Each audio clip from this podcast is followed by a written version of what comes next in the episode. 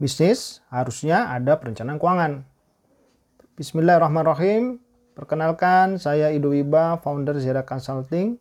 Izinkan saya berbagi mengenai perencanaan keuangan. Ada pepatah mengatakan jika kita gagal dalam merencanakan, berarti kita sedang merencanakan kegagalan yang tentunya ini semua atas izin Allah Azza wa Jalla. Maka perihal perencanaan keuangan juga sangat penting dalam hal mengelola dan mengembangkan bisnis. Permasalahan yang sering terjadi pada pengusaha muslim adalah tidak cukupnya uang tunai yang tersedia untuk memenuhi kebutuhan dana atau modal kerja dari kegiatan bisnisnya.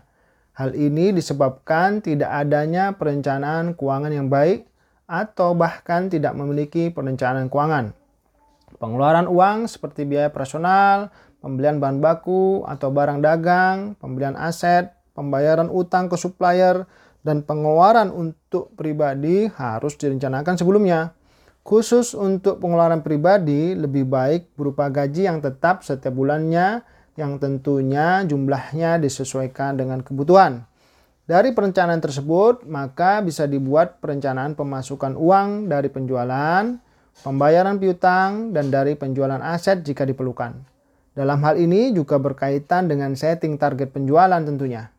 Semoga bisa dipahami ya dan bermanfaat. Assalamualaikum warahmatullahi wabarakatuh.